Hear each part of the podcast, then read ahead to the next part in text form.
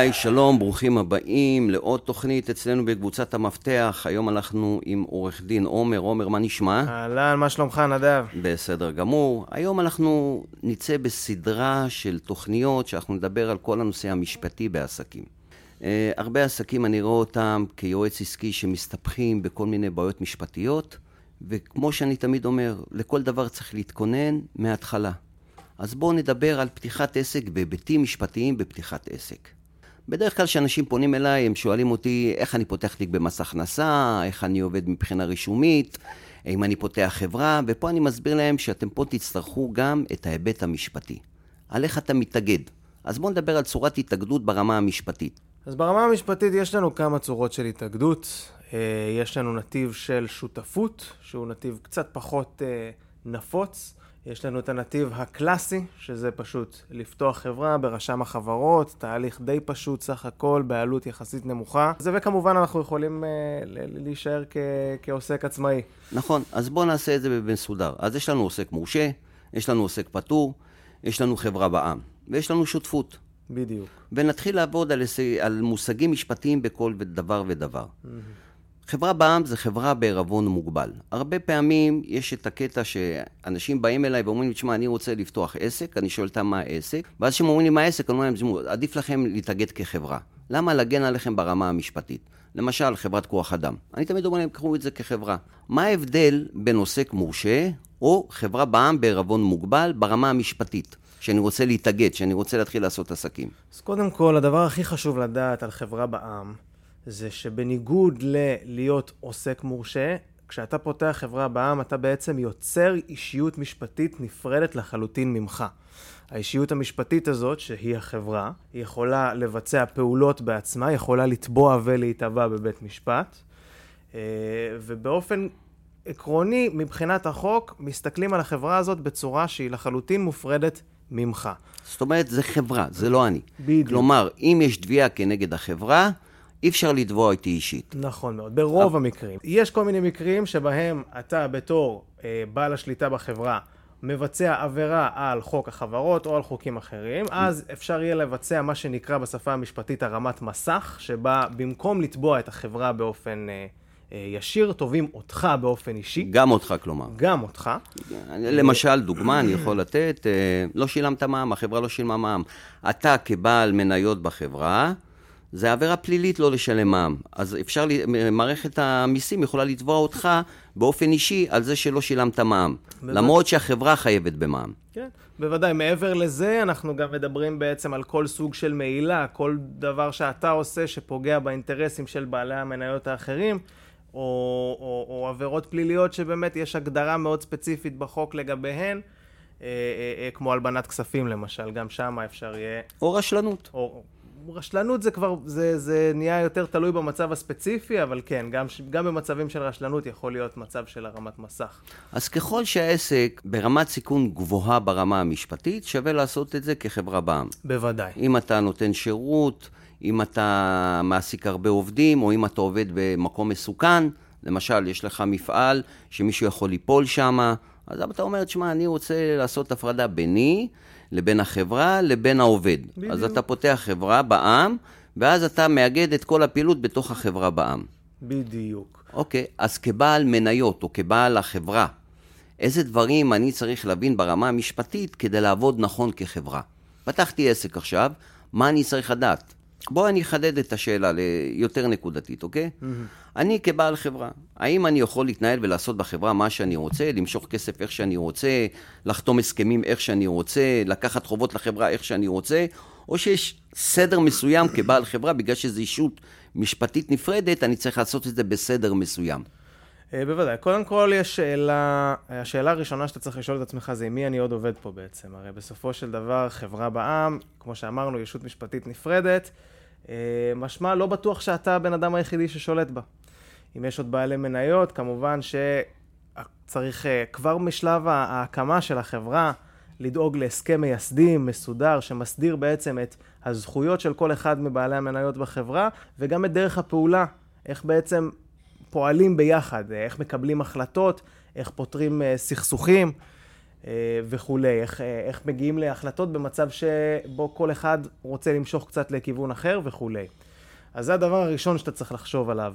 מעבר לזה, ברמת ההתנהלות שלך, כמובן, אתה צריך להתנהל אה, בצורה הכי נקייה וישרה יש, שאתה רק יכול. יש דרכים להתנהל, זאת אומרת, יש חוקים איך להתנהל. בואו נדבר על מבנה של חברה. הרי לחברה יש דירקטוריון, מה זה. הדירקטוריון של החברה? אה, בעצם אה, מועצת המנהלים, אנחנו מדברים כאן על, אה, אפשר להיכנס רגע בעצם למבנה של, של חברה מההתחלה ועד הסוף. אז בואו נתחיל עם מבנה של חברה, כל, חברה, ונגדיר את התפקידים של כל אחד ומה האחריות של כל אחד ואחד. בוודאי. קודם כל, אז חברה מורכבת, קודם כל ולפני הכל, מבעלי המניות שלה. לכל חברה מונפקות כמות מסוימת של מניות, הכמות כמובן תלויה במה שרוצה מי שהקים את החברה. מניות זה כמו אחוזים, זאת אומרת כמה אחוזים זה. יש לך כן. בחברה. אם החברה אומרת, מפיקה, אם... אם לחברה יש 100 מניות, אז זה 100 אחוז מהחברה. אז בדיוק, מי שמחזיק 50 מניות, מחזיק 50 אחוז מהחברה, אוקיי. ברמה הכי פשוטה וישירה שיש. ואם אני לבד, אני מחזיק את כל 100 המניות בשם שלי. בוודאי. אז אני בעל המניות. לצורך okay. אוקיי. העניין, במצב הפשוט, יש כמובן מצבים קצת יותר מורכבים, שיש לך מניות מסוג א' ומניות מסוג ב' וכולי. אבל בוא נלך על המצב נלך הרגיל. נלך על הפשוט. Okay. אוקיי. במצב הפשוט, לצורך העניין, אתה הקמת עכשיו חברה, יש, אתה, אה, יש בחברה הזאת 100 מניות, אתה החלטת שזו כמות המניות שאיתן יוצאת לעולם, אה, וברגע שאתה מחזיק בכולם, אתה הבעלים הבלעדי של החברה. אם ניקח מצב אחר, ולצורך הדוגמה ניקח מצב אחר, יכול להיות מצב שבו אנחנו מדברים פה על שלושה אנשים שמחזיקים בחברה בעצם. נניח שלך יש 50% מהמניות בחברה, 50 מניות, ולשניים האחרים יש 25 מניות כל אחד. אז ביחד אתם בעלי המניות של החברה, החברה היא, אתם הבוסים, אתם okay. אוקיי. הבעלים. הלאה. מתחת לבעלי המניות, מה יש? מתחת לבעלי המניות יש דירקטוריון. מה תפקידו של הדירקטוריון? תפקידו של הדירקטוריון הוא להתוות מדיניות, ובעצם לכוון את הספינה. ולאשר הדיר... דברים. בוודאי, לאשר כל דבר. בסופו של דבר הדירקטוריון הוא אה, הנת... מורכב מהנציגים של בעלי המניות. אז אם אני 100% בעל מניות, אני גם הדירקטור. אני יכול למנות את עצמי כדירקטור. בוודאי. כל בעל מניות יכול להיות גם דירקטור, ואין שום מניעה בזה שאם אתה... אה, אה, אה, בעל החברה, בעל 100% מהמניות בחברה, אתה גם תהיה הדירקטור היחידי, זה גם מה שקורה בדרך כלל בחברות יחיד. ואני יכול להביא אנשים אחרים שיהיו דירקטורים? בוודאי, אתה אפשר להביא דירקטורים חיצוניים לחברה לחלוטין, זה 100% החלטה של בעל החברה או בעלי החברה. אוקיי. מתחת לדירקטוריון יש את המנכ"ל. נכון מאוד. מתחת לדירקטוריון בעצם אנחנו מדברים על השדרה המקצועית. עד עכשיו היה לנו את בעלי הבית, שזה בעלי המניות, היה לנו את הדירקטוריון שמכתיב את המדיניות של החברה, הוא מנווט את הספינה עם הידיים על ההגה, הוא, או על ההיגוי, מערכת ההיגוי של הספינה, אני לא יודע איך קוראים לזה, אה, ומתחתיהם יש את אנשי הביצוע. מתחיל במנכ"ל, ויורד לאט לאט לכל השדרה הניהולית, סמנכ"ל כזה או סמנכ"ל אחר. אם יש, אבל לא תמיד יש סמנכ"ל. אם יש, ממש לא תמיד, יש לפעמים okay. גם אוקיי. אין מנכ"ל. אז יש לי שאלה. אני פתחתי חברה, אני יכול להיות גם הבעל המניות, גם דירקטור יחיד וגם המנכ"ל. בוודאי. זה כן. אבל לכל אחד יש לו הגדרת תפקיד מסוימת. זאת אומרת, נכון. כל פעם אתה שם כובע אחר שאתה רוצה ללכת. בדיוק. מה אוקיי? שכן, צריך להגיד שבחברות יחיד בדרך כלל אין מנכ"ל. זאת אומרת, אה. אין באמת צורך ברגע שאתה גם בעל המניות היחיד וגם uh, הדירקטור היחיד, אין באמת צורך שתהיה המנכ"ל, אבל זה באמת קצת יותר uh, פרקטי אוקיי. וקצת פחות... אז פתחתי עקרוני. חברה, בוא נגיד חברת יחיד, אחר כך נדבר על חברת שותפות. פתחתי חברת יחיד, אני מעוניין לעשות uh, השכרת רכב. לפתוח חברה להשכרת רכב. החלטתי להגביל את עצמי משפטית כדי להתרחק מכל תביעה שתהיה נגדי ברמה האישית. אז אני הדירקטור, אני בעל המניות ואני מנהל את החברה, אוקיי? Mm-hmm. הלכתי לבנק, פתחתי חשבון בנק. מניסיון שלי כיועץ, תמיד הבנק בא ואומר לך, אין בעיה, תהיה ערב אישית על החשבון. Mm-hmm. ערב אישית לטובת החברה. אז מה זה אומר ברמה המשפטית? שאני ערב אישית לטובת החברה בחשבון בנק שלי. כי זה דבר שכל הבנקים אומרים לך. הם תמיד יוצאים באיזה יציאה. תשמע, אם אתה לא מאמין בחברה, איך אנחנו נאמין בך? אתה בעל החברה, אז בוא תחתום לנו שאם החברה תסתבך, אתה תשלם את הכספים. אבל מה זאת אומרת ערב אישית לטובת החברה בבנקים? אז ברמת העיקרון זה פחות או יותר כמו שאתה מתאר. הבנקים לא אוהבים להישאר עם הסיכון לגמרי לבד. אה, למען האמת, הם לא אוהבים להישאר עם שום רמה של סיכון בכלל. אה, וכאן אתה נכנס לתמונה. עכשיו, נכון, אתה תהיה אחראי בתור ערב להרבה מהחובות שיכולים להגיע לכיוון החברה. לצורך העניין, אם החברה נכנסת לאוברדרפט, אם החברה לוקחת הלוואות ולא מסוגלת להחזיר אותם, אז בוודאי שהבנק יבוא אליך. רק אם אני ערב אישית. אבל אם אני לא ערב אישית, הם לא יכולים לפנות אליי. אם אתה לא ערב אישית, מדובר בחברה בע"מ. ואז הם תובעים רק את החברה ולא יכולים לתבוע אותי. נכון מאוד. כנ"ל לגבי ספקים? אה, גם לגבי ספקים. ספק, לקחתי ממנו סחורה, נקלעתי למשבר תזרימי, החברה נקלעה למשבר, מישהו אחר לא שילם לה, נפלה... זאת אומרת, החברה אין לה יכולת לשלם את הכספים, לא בגלל פעולות זדוניות שאני עשיתי, משכתי כסף יותר מדי או משהו כזה, פשוט אה, קניתי סחורה, מכרתי למישהו, החברה מכרה למישהו והוא לא שילם לנו, אין לנו איך לשלם את הסחורה. הספק תובע, הוא יכול לתבוע אותי ברמה האישית. אז כאן זה משתנה, זאת אומרת, בגלל שהבנק מחתים אותך על ערבות מול הבנק, אתה תהיה חייב ככל הנראה ברמה האישית. אבל אם לא חתמתי לספק, הספק, לא חתמתי ערבות אישית? כל עוד לא חתמת על ערבות אישית מול הספק, יהיה לו מאוד מאוד קשה לתבוע אותך אישית, בהנחה ולא עשית שום דבר שהוא לא בסדר, בהנחה ולא עברת על שום חוק. במצב אומרת... הזה, בדיוק בשביל המצבים האלה, בין היתר בשביל המצבים האלה, קיימת חברה בעם, קיים הקונספט הזה של ערבון מוגבל. אני יכול לתת לכם דוגמאות מהמערכת, קחו את uh, תשובה, קחו את פישמן, קחו את כל הגדולים האלה, היה להם חברות, הפסידו מאות מיליונים וגם מיליארדים ולא יכלו לתבוע את תשובה. הוא אפילו אמר להם, תשמעו חבר'ה, אני לא מזרים כסף לחברה, אני לא ערב אישית, החברה, החברה נכנסה לקשיים, זה בעיה שלכם. נכון, ידע כל אדם וייזהר שכשהוא עובד עם חברה בערבון מוגבל, יש משמעות לאותו ערבון מוגבל. כן, אז עכשיו אנחנו מדברים כבעלי חברה. אז אמרנו, יש לי חברה, אני צריך לנהל אותה לפי חוק של מדינת ישראל, שזה חוק החברות, שלכל דבר צריך שיהיה לו מסמך, כל דבר שיהיה לו סיבה, כל דבר שתהיה לו תוצאה. להוציא דיבידנדים בצורה ובכמות שהם כאילו, שהם זאת אומרת, דיבידנדים זה איך אני מושך כסף. בדיוק. אליי ברמה האישית. כן, האמת שאם כבר אנחנו נכנסים לזה, אז להיכנס, למשוך כסף אליך כן, ברמה האישית. אבל לפני כן, כן, אני רוצה לדבר עוד פעם עליי ברמה האישית. אז פתחתי חברה. איך אני רשום כחברה, כי אני רוצה לקבל משכורת. אז מה, אני עושה... אני מקבל תלוש משכורת מהחברה? ברמת העיקרון, כן. יש לך שתי דרכים לדאוג לעצמך לכסף. אני עובד מהחברה. בחברה. אתה יכול להשיג, להרוויח, להכניס לעצמך כסף באמצעות דיבידנדים, שזה בעצם כמות מסוימת של כסף שהחברה יכולה לחלק בזמנים מסוימים, בתדירות מסוימת. כי אם היא הרוויחה כסף. אם היא, אם היא הרוויחה כסף, אך ורק אוקיי, okay, ואם אני עובד בחברה? ואם אתה עובד בחברה, דרך נוספת שלך להרוויח כסף מהפעילות של החברה, היא באמצעות לשלם לעצמך משכורת, בוודאי. שזה תלוש משכורת לכל דבר ועניין. נכון מאוד, ולמען האמת שברמה המיסויית, אה, יש אפילו עדיף לך להוציא לעצמך משכורת אה, מסוימת, לא גדולה מדי כמובן, אבל להוציא לעצמך משכורת מסוימת, אתה תשלם פחות מס. עוד שאלה קטנה כן. ברשותך. אני, יש לי חברה, ואני עובד בחברה, ואני מעסיק עובדים. אתה תמיד, אה, אנחנו מתייעצים איתך הרבה לחברות, אתה תמיד אומר, תשמעו חבר'ה, אם עובדים, עושים הסכם העסקה. האם אני, כבעל המניות בחברה, כמנכ"ל, צריך לעשות הסכם העסקה בין החברה לביני? כבעל המניות בחברה, לא, יש הסכמי בעלי מניות, שזה לא בדיוק הסכם העסקה, ששם באמת אתה מגדיר את הזכויות של כל בעלי המניות, בדרך כלל בחברות יותר קטנות, מה שמגדיר את זכויות בעלי המניות בחברה, אה, מעבר לתקנון כמובן, זה הסכם המייסדים. אה, ברגע שמצרפים עוד בעלי מניות לחברה שהם לא המייסדים שלה, אז נהוג באמת לעשות הסכם בעלי מניות כדי להסדיר את הזכויות של בעלי המניות. אם לצורך העניין אתה בעל מניות בחברה שגם עובד בה בתור מנכ"ל, נניח. ומקבל תלוש משכורת. ומקבל תלוש משכורת, אז בוודאי שתלוש המשכורת הזה והעבודה שלך בתור מנכ"ל צריכים להיות מעוגנים בהסכם העסקה קלאסי בינך לבין החברה. כאילו אני מנכ"ל. עובד כאילו רגיל. כאילו אתה עובד של חברה אחרת אוקיי. בכלל. תן לי טיפים כמשפטיים בניהול חברה בעם. כלומר, אה, מה ברמה המשפטית כדי לשמור על עצמי, כדי שאני לא אתבע אישית, אם לא עשיתי משהו לא נכון, מה ברמה האישית אני צריך? למשל, אה, איך אני חותם הסכם? האם אני חותם בשם החברה? איך אני מעסיק אנשים? האם אני צריך לעשות להם הסכמים?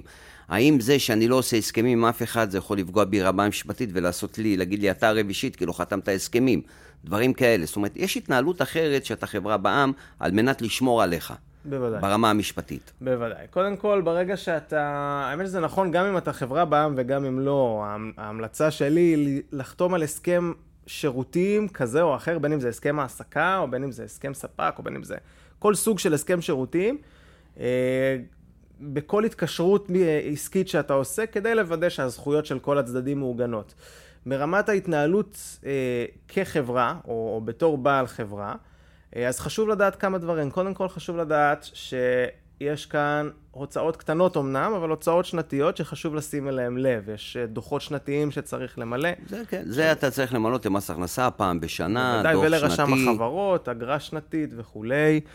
אה, אנחנו לא רוצים למצוא את עצמנו במצב שבו אנחנו פתאום מקבלים מכתב אחרי שלוש שנים, איפה חבר'ה, איפה, איפה הכסף שלנו, איפה האגרה, אה, ואז להתחיל לשלם אותה בתוספת ריבית. זה דבר ראשון. דבר שני, באמת לעגן כל פעילות שאתה עושה בתור החברה בע"מ.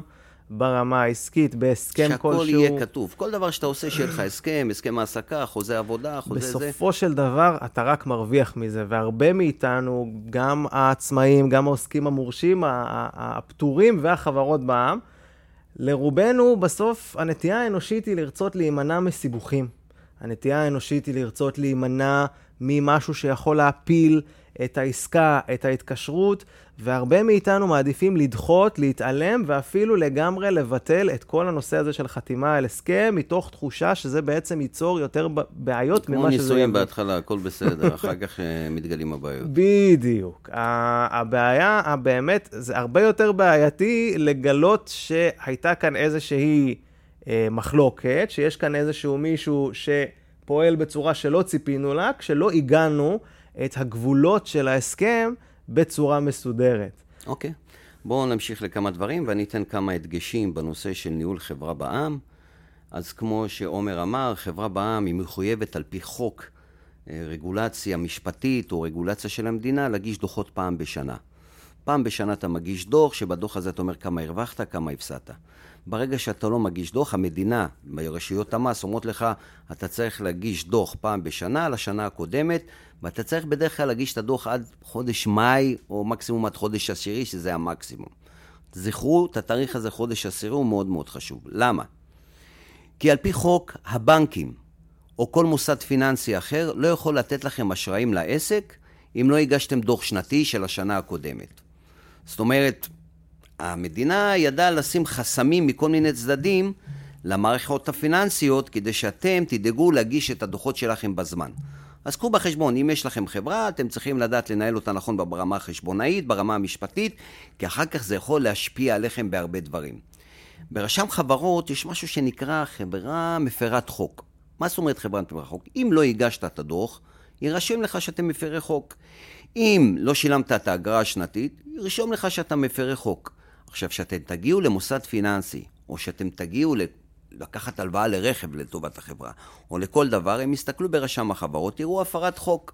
ובאותו רגע יגידו לכם, חבר'ה, אנחנו לא יכולים לתת לכם שום אשראי, כי אתם מפרי חוק. אז לכו תסדרו את המפרי חוק, וככה תוכלו לבוא אלינו. זה סנקציות שהמדינה הטילה בהגבלות, שאנשים יתנהלו כמו שצריך בחברות, שיש מזה הגבלות. אז ברמה של הייעוד שאנחנו נותנים לחברות, אנחנו אומרים, שמעו חבר'ה, השם של החברה הוא מאוד מאוד חשוב.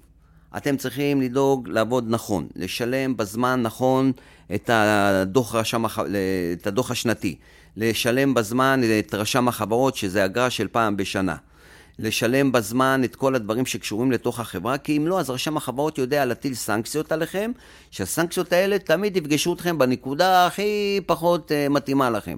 בדיוק כשתצטרכו לקחת הלוואה, או בדיוק כשתצטרכו להגדיל איזה מסגרת, יגידו לכם, בוא, בוא, בוא, בוא, אי אפשר, אני נתקלתי בזה, אתם מפרי חוק. אני רוצה לתת לך, אבל אתה מפר חוק, לך תסדר את זה. אז לשים לב לתנאים של ההתנהלות הפיננסית, איך היא מגבילה הקטע המשפטי עם הקטע הפיננסי, זה תמיד, זה תמיד, אה, בסופו של דבר יש סנרגיה בין המערכות שהולכות קדימה. אז בקצרה אני אחזור על מה שדיברנו, החלטנו להתאגד כחברה, חברת יחיד דיברנו עליה, אז אתה פותח חברה, איך אני פותח חברה, בואו נדבר על זה בכמה מילים. ברמה הכי פרקטית, קודם כל, כל עורך דין יכול אה, לבצע פתיחת חברה. גם כל בן אדם ברמה ש... אישית לבד יכול בדיוק, לבצע חברה. למי מאיתנו שאוהב לעשות דברים לבד, אפשר להיכנס לאתר של רשם החברות, לבצע את ההליך, הוא אפילו לא מאוד מסובך. חשוב לי לציין שרק חברת יחיד אפשר לפתוח לבד. כן. אם זה שותפות זה כבר משהו אחר, אנחנו נדבר על זה. בוודאי. אז אני החלטתי, אני נכנס לאתר של רשם החברות, במה אני עושה שם, אתה זוכר? אתה יודע? אה, בוודאי, אתה יכול להיכנס למערכת, המערכת שם היא מאוד מאוד נוחה. אה, אתה כנראה, אם זו פעם ראשונה שאתה נכנס לאתר של רשם החברות, אתה כנראה תצטרך לבצע רישום ולהיכנס למערכת הממשלתית אתה האישית. מקבל קוד, סיסמה. בוודאי, ומשם אה, הדרך לפתוח את החברה בפועל היא מאוד מאוד קצרה. צריך כמה דברים בסיסיים לפני כן, צריך קודם כל לדעת מה השם של- החברה, השם שאתה רוצה. או, פה אמרת משהו, מה זה שאני כל הזמן נתקלתי איתו בבעיות, כל פעם. מה זאת אומרת שם של החברה? אה, לחברה, לכל חברה... אני רוצה לקרוא לה נדב, יאשרו לי? זאת אומרת, אני צריך אישור בשביל שם? אז ברמת העיקרון צריך אישור בשביל שם, אתה צריך לוודא שהשם שאתה בוחר לחברה שלך לא נתפס כבר על ידי חברה אחרת, או שהוא לא אה, קרוב מדי לחברה אחרת. זאת אומרת, אם יש חברה בשם נדב, אני לא יכול לפתוח חברה בשם נדב. נכון מאוד. אם יש חברה בשם נדב, אתה לא יכול לפתוח חברה יש בשם חברה נדב. בשם סלקום, אני לא יכול לפתוח חברה בשם סלקום. נכון מאוד. כאן גם אנחנו נכנסים לקצת לעולם של, אה, של זכויות יוצרים, זאת אומרת, כן, אם יש... אבל מי מאשר לי את השם? רשם החברות. יש גוף אוקיי. בשם רשם החברות. שהוא בודק אתה- איזה אתה שמות נותן- יש, אומר לך את השם הזה אני מאשר, ואת השם הזה אני לא מאשר. נכון, ובמעמד הגשת הבקשה, למען האמת, כדי להימנע מבעיות אה, בנושא השם, אתה צריך לתת לרשם החברות שלוש אופציות. ארבע אופציות, אני יודע. אני מכיר שלוש, אוקיי. שלוש אופציות, באנגלית מאז. ובעברית, כן. ו... ואז אומרים לך את השם הזה אישרנו, את השם הזה לא אישרנו, זה השם שאנחנו מאשרים לך. בדיוק. אתה מסדר להם את זה לפי סדר עדיפויות, והם נותנים לך את העדיפות הכי גבוהה שהם יכולים לתת, שאין איתה בעיה. אז טיפ קטן לכל האנשים, אתם רוצים לבחור שם, פשוט תיכנסו, תרשמו את השם הזה ברשם החברות, תראו אם יש שם דומה. בוודאי, אז יש, תשאלו, אתם יכולים לרשום נדב ישראל 2020. יש באתר של יש רשם בשם נדב. החברות, יש באתר של רשם החברות מערכת בשם אה, מידע בסיסי על חברות. פשוט חפשו את זה בגוגל, מידע בסיסי על חברה.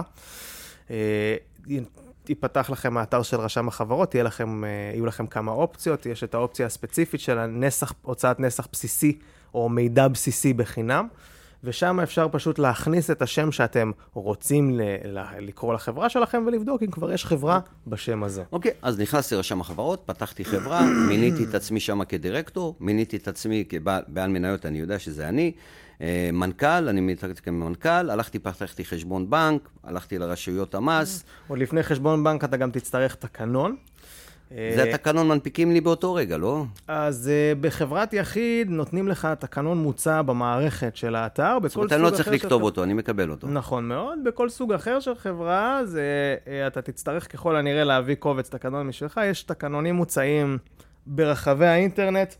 אין יותר מדי אה, אה, מקום להסתבך כאן. יש כמה דברים שחשוב לדעת בנוגע לתקנונים. יש מספר הוראות שחייבות להיות בתקנונים כדי להימנע מרגולציה מאוד מכבידה של המדינה. לצורך העניין, אה, בכל תקנון של חברה פרטית קטנה שמעוניינת להישאר כזאת, חייבת להיות אה, הוראה שהחברה, שכמות בעלי המניות בחברה מעולם, לעולם לא תגדל מעל 50, כל עוד לא משנים את התקנון כמובן. אנחנו נדבר על זה בתוכנית אחרת, למה זה 50 ולמה זה כל הדברים האלה, אבל בואו נמשיך ברמה שלנו. אז פתחנו חברה, דיברנו על הבחירת שם, כמה זה חשוב, דיברנו על הנושא של ערבות אישית לחברה או ערבות מול ספקים, דיברנו על הנושא של הסכמים וכל הדברים האלה. אה, חשבונאית, צריך לדבר על זה עם רואה חשבון שילווה אתכם, כי בחברה חייבת להגיש דוח שנתי, ודוח שנתי מוגש על ידי רואה חשבון. ודיברנו על כמה חשוב מאוד לעבוד בחברה עם משפטן צמוד, שילווה אותנו לתת דגש על כל הקטע המשפטי, על מנת אה, לא להגיע לתביעה ברמה האישית, שיגידו לא ניהלתם נכון את החברה או משהו כזה. נכון, מאוד חשוב רק אה, להבהיר מבחינת הדוח השנתי, אנחנו בעצם מדברים כאן על שני דברים נפרדים. יש דוח שנתי שאותו מגיש עורך הדין או בעלי החברה עצמם לרשם החברות, ויש דוח שנתי שמגישים לרשויות המס. שזה כמה רווח הפסדת, כמה מס אתה צריך לשלם וכל הדברים האלה. בדיוק. לעומת זאת, הדוח הרש... השנתי שמגישים לרשם החברות, הוא יותר נוגע לפעילות של החברה, האם היה שינוי במטרות העיקריות של החברה וכולי. אוקיי, אז בואו נמשיך. פתחתי חברה. האם אני מוגבל כמה כסף לגלגל בחברה? אני גלגלתי רק ממש מעט כסף. זה משנה לא. מבחינת החוק? למען האמת, אין שום הגבלה. חברה יכולה להר... להרוויח מעט, חברה יכולה להיות הפסדית, חברה יכולה להיות... לגלגל במח- גם 10 שקל בשנה. כן, אפילו מחזורי 10 שקל בשנה. אין שום הגבלה מבחינת החוק לגבי כמה חברה צריכה להרוויח, או כמה גדול צריך להיות המחזור שלה. אוקיי. יש גם את הנושא של האגרות שצריך לשלם, פתיחת חברה וכל הדברים האלה, דיברנו על זה מהבחינה הזאת. אז איך אני אדע מתי שווה לי לפתוח חברה ומתי אפשר לי לעסוק כעוסק מורשה, ברמה המשפטית? איזה, האמת, איזה, איזה שיקולים צריך לקחת? האמת היא שהשיקולים הם פחות משפטיים ויותר מיסויים. פתיחת חברה, בסופו של דבר, מכניסה אותנו לעולמות, לעולמות הנחמדים וה, והמרנינים של אה, מס רווחי הון. מי שלא יודע, במדינת ישראל יש שני סוגים עיקריים של מס. יש מס פירותי, שנקרא ברמה המקצועית, זה בעצם מס שמשלמים על עבודה, ויש מס רווחי הון, שמשלמים על אה, רווחי הון למיניהם, כמו למשל, אה, מכרתי מניות או הרווחתי כסף מדיבידנדים. לעומת זאת, דוגמה לפירותי תהיה אה, משכורת, המשכורת הפשוטה שכולנו מכירים. הרבה מאוד אנשים שהמחזור הכספי שלהם הוא כמובן מספיק גדול כדי להצדיק את זה, מעדיפים לפתוח חברה במקום אה, לעבוד כעוסק מורשה, בעיקר על מנת להיות מסוגלים לשלם פחות מס בצורה של מס רווחי הון. כן, אבל אני חושב שיש עוד שיקולים. בוודאי, יש עוד שיקולים. למשל, אם אתה מעסיק הרבה אנשים, אני תמיד אומר, תפתחו חברה, אתם יכולים לקבל תביעות מאנשים ברמה האישית. אם אתה עושה, כמו שאמרתי, עסק בסיכון, עדיף לכם לפתוח חברה. כי אתם אז מוגנים משפטית. אה, זה ההבדל בין עוסק מורשה לחברה, שיש לך מין מסך בינך ברמה האישית מול השירות שאתה נותן ברמה האישית לבן אדם. זאת אומרת, הוא צריך תמיד לעבור דרך החברה ולהוכיח אה, דברים אחרים. בוודאי, בוודאי. אוקיי, אל, אז... אלה בעצם שני השיקולים המרכזיים. השיקול הראשון, שכבר דיברנו עליו קודם, זה באמת שיקול המיסוך, הישות המשפטית הנפרדת הזאת, שמאפשרת שלא מעמידה את הכסף שלך ואת ההון שלך בסיכון, כל עוד אתה כמובן עושה מה שאתה צריך לעשות ו- ולא עובר על החוק, והשיקול המיסוי. אוקיי, okay. יש לי עוד uh, כמה שאלות, אז פתחתי חברת יחיד. מה זה אומר עכשיו אם אני עושה שותפות עם בן אדם? זאת אומרת, החלטנו אני וחבר שלי לפתוח חברה, 50-50, 30-70, זה כבר לא משנה, אבל אני שותף. איפה בהתנהלות פה אני שונה בהתנהלות מפתחתי לבד? אז כאן חשוב קודם כל להבהיר הבהרה קטנה. יש הבדל גדול בין לפתוח חברה ביחד עם עוד אנשים, לבין להתחיל לפתוח שותפות. שותפות... לא, אה, לפתוח ביחד עם אנשים חברה, לא שותפות עסקית. זהו, אז שותפות בחברה, עסקית זה משהו שניכנס אליו בפרק אחר. כן, אני מדבר איתך שיש לי שותף בחברה. זאת אומרת, אני וחבר שלי החלטנו לעשות אה, מיזם, אנחנו הולכים ועושים אה, אולם שמחות ביחד, סתם דוגמה זה מה שעולה לי בראש. אנחנו 50-50, החלטנו להיות שותפים ביחד, מכירים הרבה זמן. מה זה אומר ברמה המשפטית בהתנהלות מול שותף? אז קודם כל, אה, האמת שזה גם כן שיקול די טוב לפתוח חברה מלכתחילה. זאת אומרת, אה, אנשים שרוצים להיכנס לעסק כזה או אחר, ורוצים לעשות אותו ביחד עם עוד בן אדם, בהרבה מאוד מקרים יהיה להם עדיף לפתוח חברה. מאשר uh, לעבוד כל אחד בעוסק מורשה או בעוסק פטור שלו. אז פה אני אה, נכנס להסכם המייסדים התחלתי. הסכם מייסדים זה היסוד של החברה, שבו אנחנו מסכימים על תנאים לפני תחילת הפעילות. נכון איזה מאוד. איזה תנאים, למשל, דוגמה, אני יכול להסכים עם מישהו לפני תחילת הפעילות. או, אז בהסכם מייסדים יש כמה וכמה דברים שהם באמת אקוטיים, שחבל מאוד להתחיל בכלל את החברה, אם אנחנו לא מסוגלים להסכים עליהם. דבר ראשון, אה, זה חלוקת המניות, בצורה הכי פשוטה, כמה כל אחד. עברנו את זה 50-50. עברנו את זה 50-50, הלאה. הדבר השני, זה איך אנחנו מקבלים החלטות בחברה ביחד. ברוב המקרים, כל אחד מבעלי המניות ממלא, ממנה, סליחה, נציג או כמה נציגים. או את עצמו. לדירקטוריון, או את עצמו, הוא גם יכול להיות הנציג של עצמו כמובן. ולכל אחד מאותם נציגים בדירקטוריון נקבע בהסכם המייסדים מה בעצם כוח ההצבעה שלו. נניח, ניקח דוגמה, יש דוגמה של 50-50 שהיא קצת יותר בוא נראה את הקלאסית, 50-50.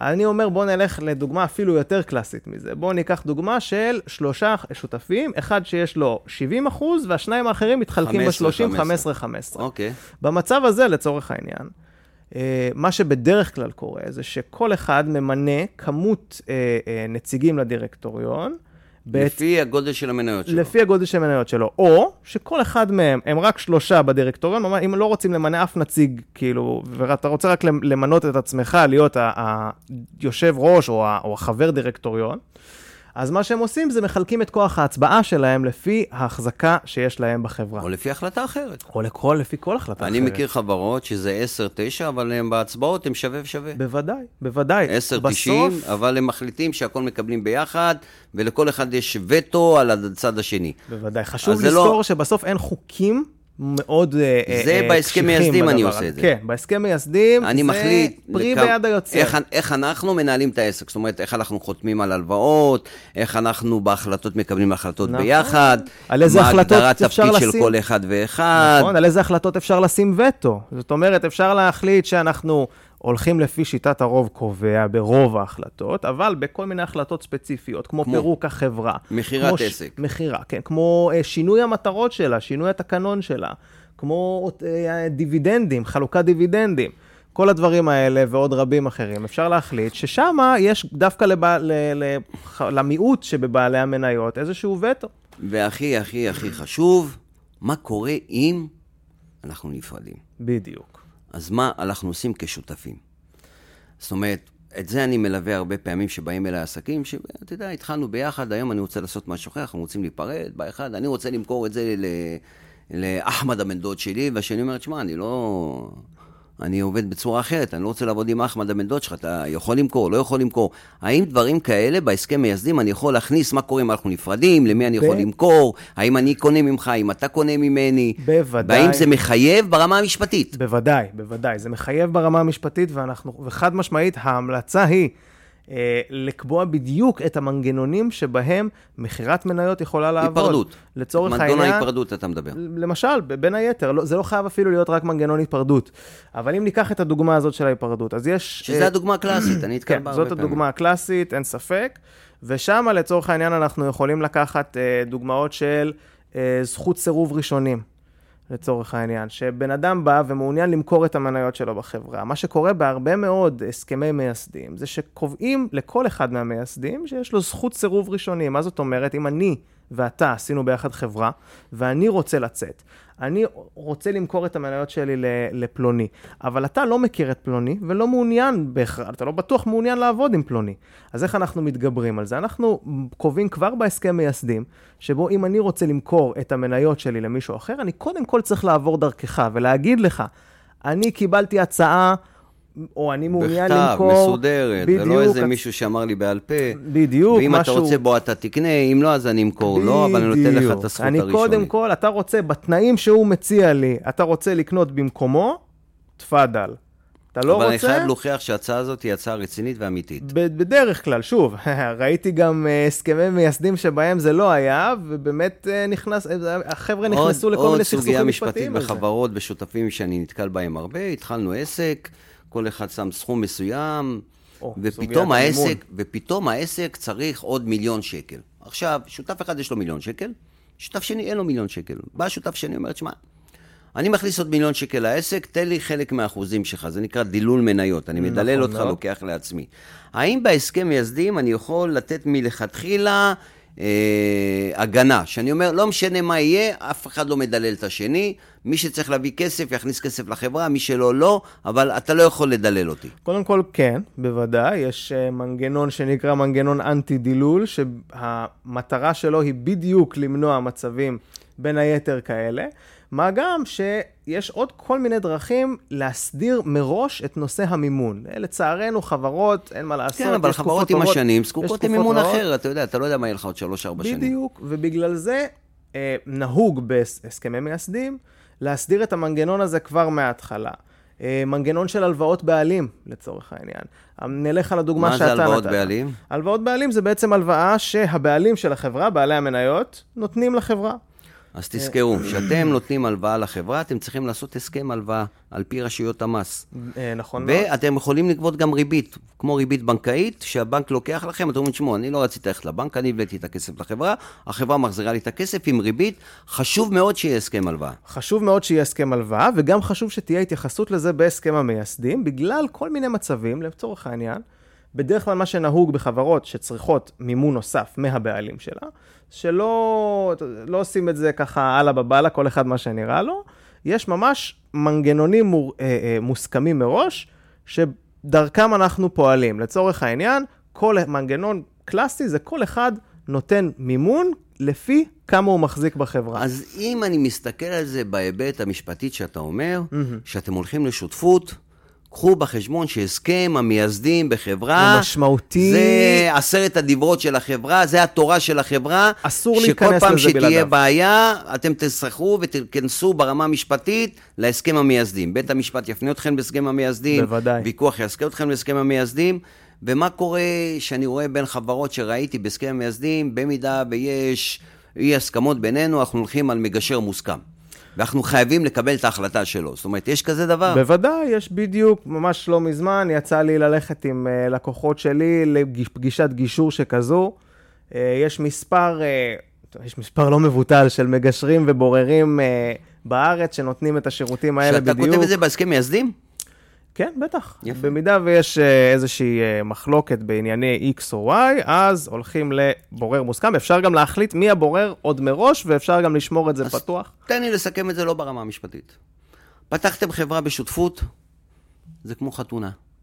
תעשו הסכם מסודר, מי שוטף כלים, מי מביא כסף לבית, מה קורה אם חסר כסף, מה קורה אם אנחנו מתגרשים, איך אנחנו מחלקים את הרכוש, איך אנחנו מחלקים את הכל. זאת אומרת, זה ברמה המשפטית הדבר הכי חשוב בשותפות, בחברה, לעשות את הסכם המייסדים בצורה נכונה, וחלוקת תפקידים. זה, חבר'ה, אני אומר לכם את זה בתור יועץ, חלוקת תפקידים בחברה זה אחד הדברים שעליו נופלות חברות. בוודאי. לא, אני עובד יותר ממנו, מה, הוא יושב רק בכספים, אני עושה את כל העבודה. מלכתחילה להכניס את כל הנושא של חלוקת התפקידים, ככל שתשימו יותר, ואז יש ויכוחים, רגע, בואו נעצור אחורה, בואו נלך להסכם מייסדים, פותחים את ההסכם מייסדים, אבל זה מה שסיכמנו. נכון. אז כל אחד עמד בהסכם שלו. אז דיברנו על חברת יחיד, ודיברנו על חברת שותפות, דיברנו מה זה חברה בעם. אני רק ו... רוצה להוסיף עוד דבר אחד לגבי הסכם המייסדים, שהוא גם נכון, האמת, לכמעט כל סוג של הסכם. הרבה אנשים מתייחסים לכל השלב הזה של אה, להגיע ולחתום על ההסכם ולדבר על כל הדברים האלה בתור משהו שיוצר סכסוכים. ואני אומר בדיוק הפוך. מונע סכסוכים. הוא מונע סכסוכים. העובדה שיש לכל אחד מהצדדים בכל רגע נתון את היכולת ללכת להסכם, לראות בדיוק מה מקובל על כל הצדדים וללכת לפיו כמו בוק, דווקא מאפשר להימנע מכל מיני סכסוכים שיכלו להיווצר אחרת. אוקיי, okay. אז סיכמנו, חברה בעם, חברת יחיד, איך אתה עובד, לשים לב לכל הרגולציה, לשים לב לכל ההיבטים המשפטיים, שהכל יהיה חתום, שהכל יהיה עם הזמנות מסודרות, שיהיה תיעוד לכל דבר ודבר, ככה לא יבואו אליכם, ותזכרו, זה שאתם בעלי חברה, זה לא או נותן לכם אישור לפעול בצורה לא תקינה. אתם פועלים בצורה לא תקינה, בצורה לא חוקית, אתם תהיו ערבים אישית על הכל. בדיוק. אתם חתומים ערבות אישית לחברה, כמוה כל חוב של החברה היא חייבת עליכם. יחייבו אתכם, כי אתם אמרתם, אם החברה לא משלמת, אני משלם. דיברנו על הדגשים של חברה בשותפות, מה זה אומר, ואמרנו, ועומר אומר פה בצורה הכי נכונה, שימו לב להסכם המייסדים, כי בסופו של דבר, אתם תמיד תחזרו להסכם המייסדים, במידה ותהיה איזה בעיה, או משהו כזה, אז אפשר לחזור להסכם המייסדים. אז uh, אנחנו שמחים שהקשבתם לנו, תודה לך, עומר. תודה נדב. אנחנו, יש לנו סדרה של... Uh, תוכניות כאלה שאנחנו מדברים על היבטים משפטיים בעסק. אה, פה בקבוצת המפתח, אנחנו שמנו לנו למטרה להנגיש לכם כמה שיותר מידע. אתם תמיד יכולים ליצור איתנו קשר, להתקשר, השיחות הן ללא עלות, לשאול שאלות. תזכרו, אני תמיד אומר את זה, אין שאלות טיפשיות. לא קיים שאלות טיפשיות.